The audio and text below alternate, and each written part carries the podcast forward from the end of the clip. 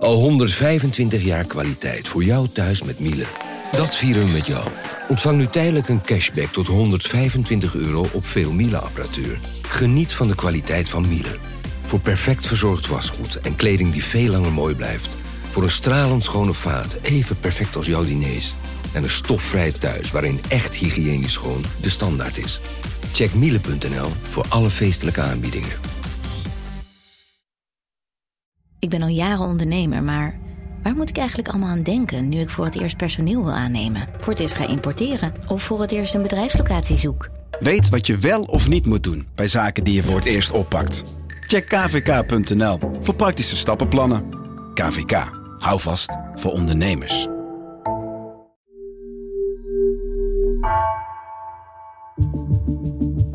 Vanaf de redactie van NRC het verhaal van vandaag. Mijn naam is Thomas Ruip.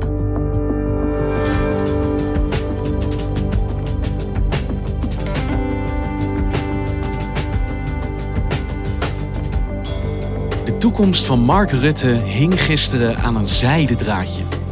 In een historisch debat trof hij de gehele Tweede Kamer tegen zich. Parlementair verslaggever Rick Rutte leidt ons door een slopende dag en nacht. Hoe demissionair premier Rutte moest vechten voor zijn politieke leven en bleef staan.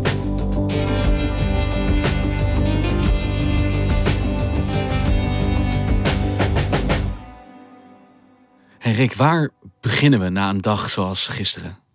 Laten we beginnen bij het vroegste begin. Gisterochtend kregen alle fractievoorzitters uit de Tweede Kamer, alle 17, een sms'je. Heel vroeg in de ochtend. Kom straks om 9 uur naar het Binnenhof, want daar ligt alles klaar. En alles, dat zijn alle geheime documenten over de verkenningen die de afgelopen dagen gevoerd zijn na de verkiezingen. Die waren vrijgegeven en de fractievoorzitters werden uitgenodigd om die te komen inzien in het gebouw van de Tweede Kamer. Ja, een dag eerder had de Kamer gezegd, voordat wij gaan debatteren over dit debakel, over deze mislukte verkenningen, waar van alles gelekt is, waar alles uh, op een hoopje ligt, waar alles een rotzooi is geworden. Voordat zover is, willen wij eerst alle stukken kunnen inzien van die formatie. Wat is er gezegd? Door wie? En gisterochtend kreeg zij te horen, dat mag. Jullie kunnen er nog één keer naar kijken. Dan moeten jullie laten weten of alles klopt. En dan delen we het met de rest van de Kamer en de wijde wereld. Dan wordt alles, alles openbaar. Dus in de vroege ochtend spoeden fractievoorzitters zich naar de Tweede Kamer om deze documenten in te zien, door te bladeren. Ja. En dat kan niet gewoon even met een e-mailtje. Ja, daar zijn dit soort processen veel te formeel voor, Thomas. Bij zo'n formatie, ook al staat het niet echt ergens per se opgeschreven, is de ongeschreven regel heel erg geworden dat alles wat daar gebeurt is enorm in vertrouwen. En gisterochtend wisten we, er komt nu van alles, van al die vertrouwelijke documentatie, komt naar buiten. Dus op het moment dat het sms'je binnenkwam, wist iedereen wel, dit gaat een spannende dag worden. Zeker. Ik zat diezelfde ochtend op de Haagse redactie met een paar collega's. Onze Haagse redactie, vlakbij Binnenhof, waar de Kamer vlak daarna zou beginnen met debatteren. En wij zaten ook te wachten op een sms'je van de RVD, de Rijksvoorlichtingsdienst. En om 11 uur 32 kreeg ik een bliepje, een sms'je, want de Rijksvoorlichtingsdienst doet niet aan appjes. En in dat sms'je stond, ik zal het even voorlezen, BWK, dubbele punt, brief van verkenners aan voorzitter Tweede Kamer, zie persbericht. Klinkt heel saai, maar toen wisten wij, hebbes, dit is waar we op hebben zitten wachten.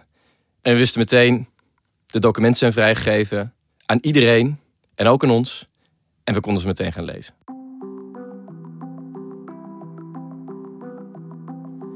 Want Rick, wat is het met deze documenten dat die Den Haag zo in zijn greep hielden op dat moment? Dan moeten we even een stapje terug doen. We hebben, het lijkt een eeuwigheid geleden, maar we hebben twee weken geleden verkiezingen gehad. En, twee weken geleden, ja. Precies. Uh, met een enorme hoeveelheid partijen. De VVD als grootste, D66 een grote winnaar, maar vooral een enorme puzzel om te gaan formeren. En sinds een paar verkiezingen is de hoofdrol voor een verkenner. Of twee verkenners zelfs. En die kregen we meteen na de verkiezingen. Annemarie Jortsma van de VVD, Keizer Ollongren van D66. En die gingen praten.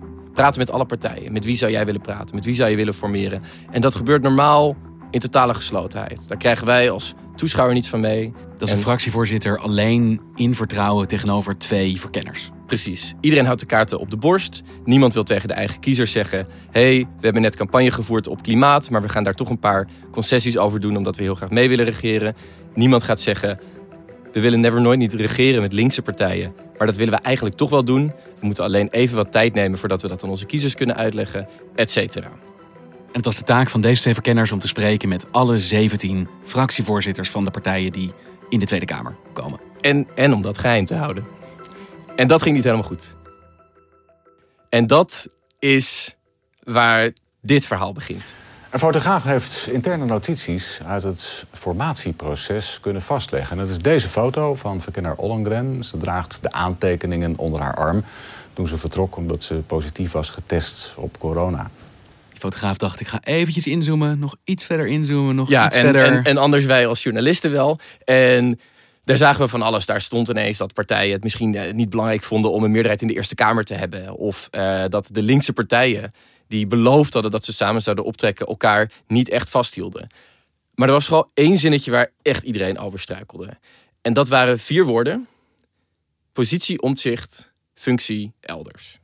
De vier meest weerklonken woorden van de afgelopen twee weken. Vier woorden die Mark Rutte waarschijnlijk nooit meer gaat vergeten.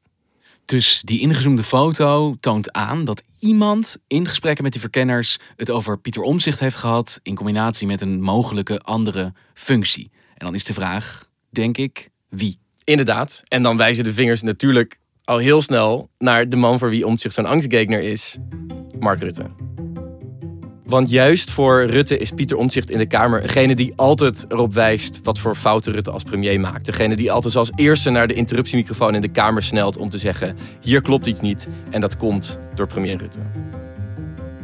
Natuurlijk doken journalisten op Rutte af en die vroegen hem meteen: heeft u dit gezegd? Heeft u gezegd dat Pieter Omtzigt een andere functie moet krijgen? Heeft u het überhaupt over Pieter Omtzigt gehad? Heeft u überhaupt over de heer Omtzigt gepraat in die gesprekken? Nee. En Kan- ook eh, Sigrid Kaag niet. Nee, Kan het dan in die stukken terechtkomen? dat weet ik niet. Maar goed, eh, ik kan u alleen zeggen wat ik gedaan heb. En hij hoopte, dit is het, hier houdt dit verhaal op. Enig probleem was dat de rest van het Binnenhof daar totaal anders over dacht. De verkenners, Joritsma en Ollongren, allebei zeiden binnen anderhalf uur... wij kunnen niet meer door als verkenners. Dat gaat niet. Vertrouwen is geschaad, we stoppen ermee. Er moesten nieuwe verkenners komen. En de Kamer zei, eh, meneer Rutte, weet u zeker dat u dat niet gezegd heeft? En als u het niet heeft gezegd, wie dan wel? We moeten het hierover hebben. En we moeten totale openheid krijgen over wat er in al die gesprekken is gezegd. Want we moeten een antwoord krijgen op die vraag wie het heeft gehad over Pieter Omtzigt. En dat is het debat dat gisteren begon. Yes. Voorzitter, dat is een ongelofelijke schande. En het zou de heer Rutte sieren als die onmiddellijk op zou stappen. Het begon met Geert Wilders en een motie van wantrouwen. Nou, Wilders die een motie van wantrouwen indient, dat is niet heel nieuw, dat is niet heel speciaal. Maar ik denk niet dat ik eerder een motie van wantrouwen van Geert Wilders heb gehoord waarbij de hele Kamer doodstil was. Iedereen zat in de bankjes en je merkte, het zou wel eens kunnen gebeuren dat deze motie van wantrouwen het straks gaat redden. En dat Mark Rutte wordt weggestuurd als premier. Dronken. Dronken van de macht en van de verkiezingsuitslag. Denkt Rutte het parlement even opzij te kunnen schuiven. En dan, na zijn vlammende, woeste betoog, Toen was het woord aan Rutte zelf. En dat zou een heel lang verhaal worden.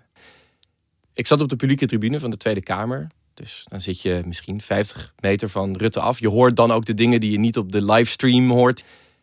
En ik hoorde gelach. Ik hoorde gelach uit de Kamerbankjes. Er zaten daar Kamerleden die boos waren op Rutte. Maar die ook nu zo vaak dit verhaal hadden gehoord. Dat ze dachten, we geloven het niet meer. Het was een beetje als de keizer heeft geen kleren aan. ze lachten hem uit. Ze lachten hem uit. Want wat zei Rutte daar? Wat was de kern van zijn verdediging op dat moment? Rutte zei eigenlijk: Foutje, ik heb het wel gezegd. Ik was het vergeten. Mijn geheugen liet me even in de steek. Ik heb naar eer en geweten de pers te woord gestaan. Over wat ik dacht wel en niet te hebben gezegd in dat gesprek bij de verkenners. Ik heb me dat achteraf verkeerd herinnerd. Ik betreur dat ten zeerste. Hij zegt toen hij tegen journalisten zei: Ik heb nooit over omzicht gesproken. Dat hij toen niet loog, maar dat hij het zich verkeerd herinnerde. Ja, hij kon zich net dit ene best wel heel erg, heel erg belangrijke detail uit die gesprekken niet herinneren. Het is ook wel een moment hè, dat je Mark Rutte in de Kamer keer na keer na keer diezelfde zin hoort herhalen. Ik heb niet gelogen, ik heb niet gelogen, ik heb niet gelogen. Ik spreek hier geen leugens, voorzitter. Ik spreek hier de waarheid. Ik sta hier niet te liegen. Dit is de waarheid. Ik heb niet gelogen. Ik haal dat nog een keer ook in de richting van mevrouw Ploemen. En dat is wel de waarheid. Mevrouw Ploemen, meneer Klaver, ik ben hier eerlijk. Voorzitter, ik sta hier niet te liegen. Ik kan alleen zeggen dat ik hier de waarheid spreek als ik hier zeg. Feit is dat ik hier de waarheid spreek. Ik spreek hier de waarheid. En hoe reageren de overige fractievoorzitters, voor wie Rutte zijn, zijn verhaal doet, zijn verweer, op wat ze daar horen? Niemand leek bereid om Rutte op zijn woord te geloven. Ehm, en toen het lachen een beetje was uh, weggevallen, kwamen ze ook één voor één naar de microfoon om dat te vertellen. En dan niet alleen Wilders, van wie we wel weten dat hij uh, Rutte weg wil hebben en weg wil stemmen wanneer het maar kan. Maar ook van de mensen die een week geleden nog met hem om tafel zaten om misschien wel een nieuw kabinet te vormen. Bijvoorbeeld Wop Koekstra van het CDA. Ja, voorzitter, we zijn nu twee weken bezig. En wat een totale, maar dan ook totale rotzooi is dit geworden. En binnen die rotzooi hebben we de discussie nu al een week lang over wat er door wie gezegd is in die verslagen. En mijn vraag aan de heer Rutte is hoe dat kan. En Hoekstra was een van de eerste, maar niet de enige. Want even later stond Sigrid Kaag van D66 aan de interruptiemicrofoon. U kent mij. Uh, ik sta hier dan ook met zwaar gemoed. Want u heeft vorige week uh, ook namens mij op dat moment bij de NOS gesproken. U benoemde het zelf al. En bevestigde dat wij allebei geen bijdrage, opmerking hadden geplaatst over Pieter Omtzigt. En hier scheiden onze wegen. Ook zij staat eigenlijk op het punt om met Rutte te gaan regeren. Iedereen zegt al sinds verkiezingsavond VVD en D66, dat wordt het liberale motorblok. Maar de Kaag die hier stond, die zei, meneer Rutte, hier scheiden onze wegen. Je voelde hoe in de hele zaal, van Wilders tot Hoekstra en Kaag, werd gezegd, we willen het niet meer. We zijn klaar met Mark Rutte. We zijn klaar met een premier die wel heel gemakkelijk soms hele belangrijke dingen vergeet. We willen het niet meer. Het houdt hier op. Hier stond hij achter het katheder en hij wankelde. Hij wankelde zoals ik hem nog nooit heb zien uh, wankelen. Het leek ook bijna alsof het niet nog erger kon. En toen kwam tot overmaat van ramp Thierry Baudet, de leider van Forum voor Democratie, ook nog eens naar de interruptiemicrofoon. En die zei... Ik wil mevrouw de voorzitter twee vragen. Is de heer Rutte vanochtend naar uh, het verkennerskantoor gegaan om die mails te lezen? Of heeft hij op een andere manier kennis genomen daarvan? En Rutte zei... Nee, voorzitter, ik ben niet uh, vanmorgen naar uh, het verkennersbureau gegaan. Ik hoorde vanmorgen om half acht via via, uh, niet wat er verder in die stukken stond... maar specifiek over omzicht dat dat er zo in stond. Om half acht vanmorgen. Dit heer... begrijp ik niet helemaal. Dus, ja. Kunt u de heer Baudet... iets specifieker zijn wat er, hoe dit nou gegaan is? Vanochtend om half acht via via... Heeft u uw eigen gespreksnotities toen toegestuurd nee, gekregen? Niets toegestuurd gekregen. Ik hoorde om half acht vanmorgen, via via... ik kan die bron niet onthullen, dat is vertrouwelijk. Via, ja. Ik geef de heer Baudet oprecht antwoord. De, ja. Iedereen kreeg ochtends dat sms'je, maar op dat moment had Mark Rutte dus al gehoord wat erin stond. Blijkbaar. En dan wilde hij ook nog eens niet vertellen uit welke bron die dat had gehoord. De Kamer stond hiervan eigenlijk paf. Uh, zelfs Baudet zelf was zo verbaasd dat hij er een punt van orde van wilde maken, maar zelf niet eens helemaal wist wat hij nu vervolgens moest zeggen. En dat maar aan Jesse Klaar van GroenLinks als Kamerveteraan moest overlaten. Meneer Baudet, u heeft een punt van orde. Wat is het punt van orde dat u wil voorstellen? Ja, dat, dat laat ik aan de heer Klaver om dat te formuleren. Voorzitter. De heer Klaver. Dank u wel. Meneer dit, dit belooft veel voor de volgende periode, voor de komende periode. Kort daarna werd er geschorst. Ik liep een stukje mee. Rutte liep die kamer uit. Die rent dan heel snel vanaf de perstribune over de roltrappen. Eén verdieping omlaag en dan kun je zien hoe Rutte de kamer uitloopt en vervolgens de roltrap opgaat. Een soort journalistiek sprintje om zo dicht mogelijk Een heel journalistiek printje om Rutte te volgen die op hetzelfde moment de Kamer uitkwam en richting de VVD-kamers liep. En normaal als Rutte de Kamer inloopt, dan is het het moeilijkste debat, dan, dan zwaait hij nog even, dan lacht hij nog even, dan wijst hij nog naar iemand. Het, de, de Rutte-dingetjes die we allemaal wel, wel kennen, de, de fietsende, lachende, blije Rutte. En die zag ik niet.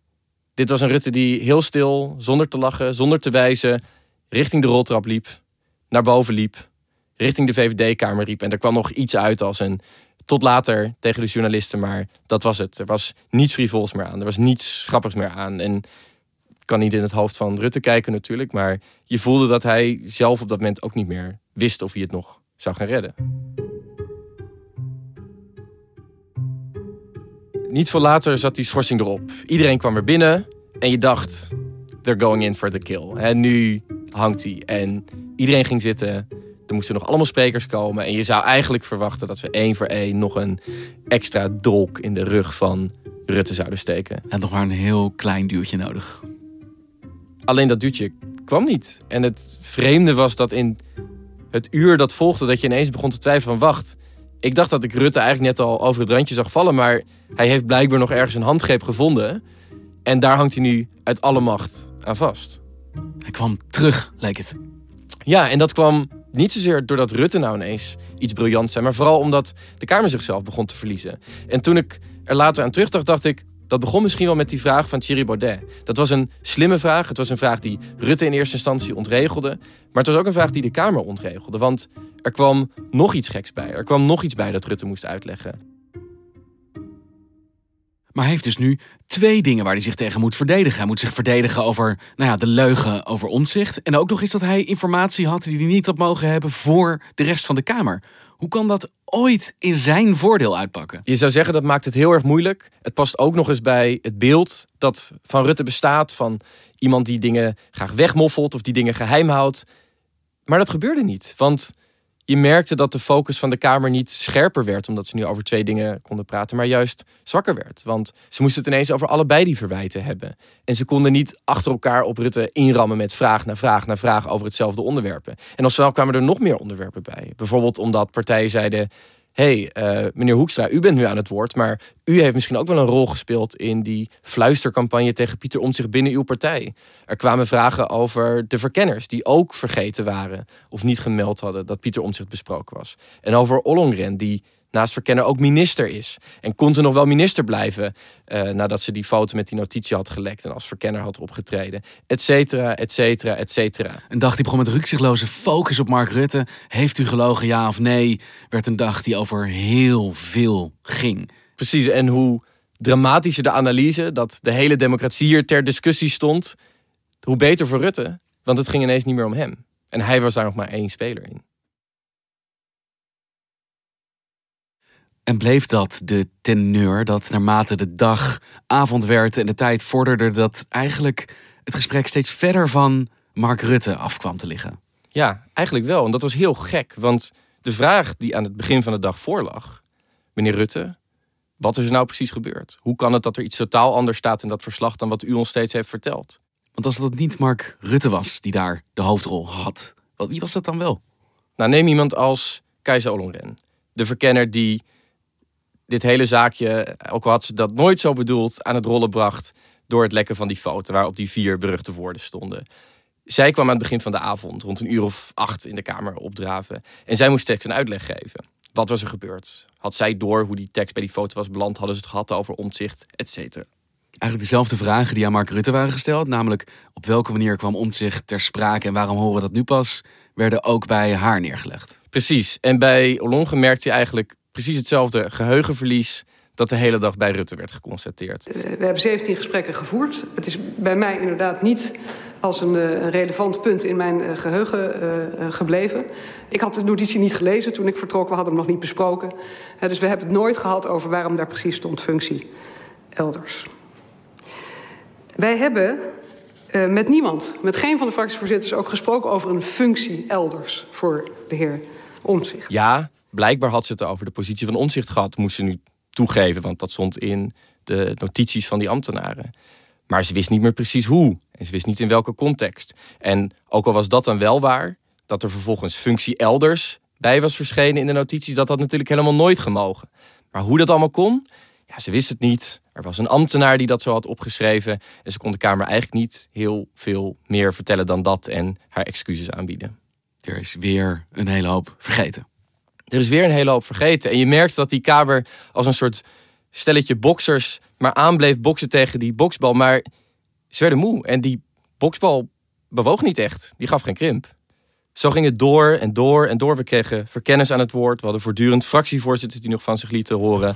Ja, voorzitter, ik zou mevrouw Ollengren willen vragen... Hoe gek, hoe gek denkt u dat wij zijn? Hou op met het beledigen van het gezond verstand van Nederlanders. Want ze geloven geen bied van wat u ons wijs probeert te maken. Er gebeurde van alles, maar er gebeurde ook niets. Heel twitterend, politiek volgend Nederland was nog springlevend. Maar het was vrij makkelijk om de draad kwijt te raken. En het werd moeilijker om het verhaal van de avond te vertellen. En jij, lukt het jou nog om dit bij te benen? Bijbenen nog net wel, maar uh, ik ben nog niet de grootste politieke voorspeller, Thomas. En dit keer was de hele redactie verdeeld en iedereen was voorspellingen aan het delen. Uh, maar we wisten vooral dat we er niet echt uitkwamen. Speculeren, speculeren, maar de toekomst ongewis. Ja, precies. En misschien merk je daarin eigenlijk ook wel iets over wat heel veelzeggend is over hoe Rutte steeds heeft geopereerd. En hoe de Kamer naar hem kijkt. Namelijk dat iedereen. Niemand ziet Rutte echt als een vriend. Zien hem hooguit als een bondgenoot. Toen hij het moeilijk had, wilde niemand echt voor hem in de bres springen. Maar ze wisten ook dat deze man 35 zetels met zich meedroeg. En dat het heel erg moeilijk zou zijn om om Rutte heen te formeren. En die spanning, op dat koord te blijven dansen, dat schoot maar heen en weer. En op, je wist het op een gegeven moment gewoon niet meer. En zo was het dus dat het politieke lot dat smiddags nog aan een zijde draadje leek te hangen, die avond nog steeds een vraagteken was. En het werd van 1 april 2 april. Ja, en het draadje werd weer iets steviger en leek dan toch weer van zijde. En zo ging het maar door. En zo ging het maar door. En misschien wel het meest tekenende moment van de avond hiervoor was een moment rond een uur of negen ik kreeg een foto doorgestuurd van uh, een fantastische fotograaf, David van Dam. En die legt net de juiste momenten soms vast. En dat had hij dit keer ook gedaan. Een foto, we zien Mark Rutte op de fractiekamers van de VVD. Tussen de gordijntjes zie je hem nog net. En je ziet hem goed genoeg om te zien dat hij heel ontspannen lacht. En de klok boven hem die staat op 2 over 9. Het is het midden van de storm. Iedereen wil weten of Rutte nog te vertrouwen is. Iedereen twijfelt over Rutte's toekomst. En daar, daar zit hij, daar staat hij, lachend. Alsof er niets gebeurd is, alsof er niets aan de hand is. En de vraag is dan ook wat je leest in die lach. Iemand die de boel nog onder controle heeft of niet aan zichzelf wil toegeven dat hij toch echt een keer gaat verliezen. Ja, en ook een man die geen herinneringen heeft en van wie je nooit helemaal weet wat de toekomst gaat brengen.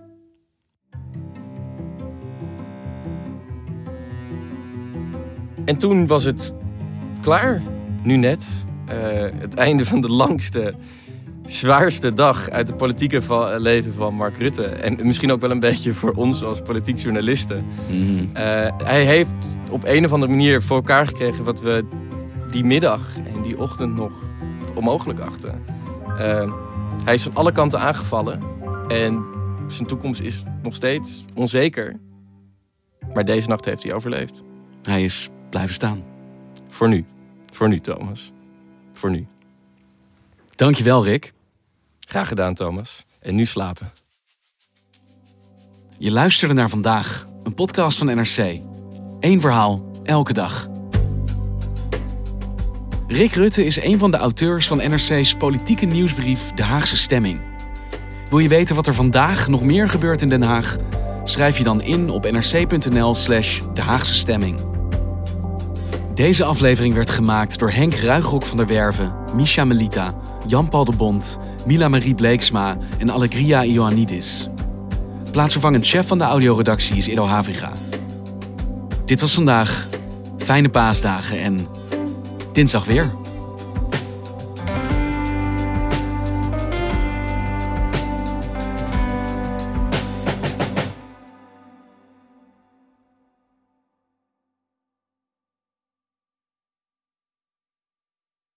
Technologie lijkt tegenwoordig het antwoord op iedere uitdaging.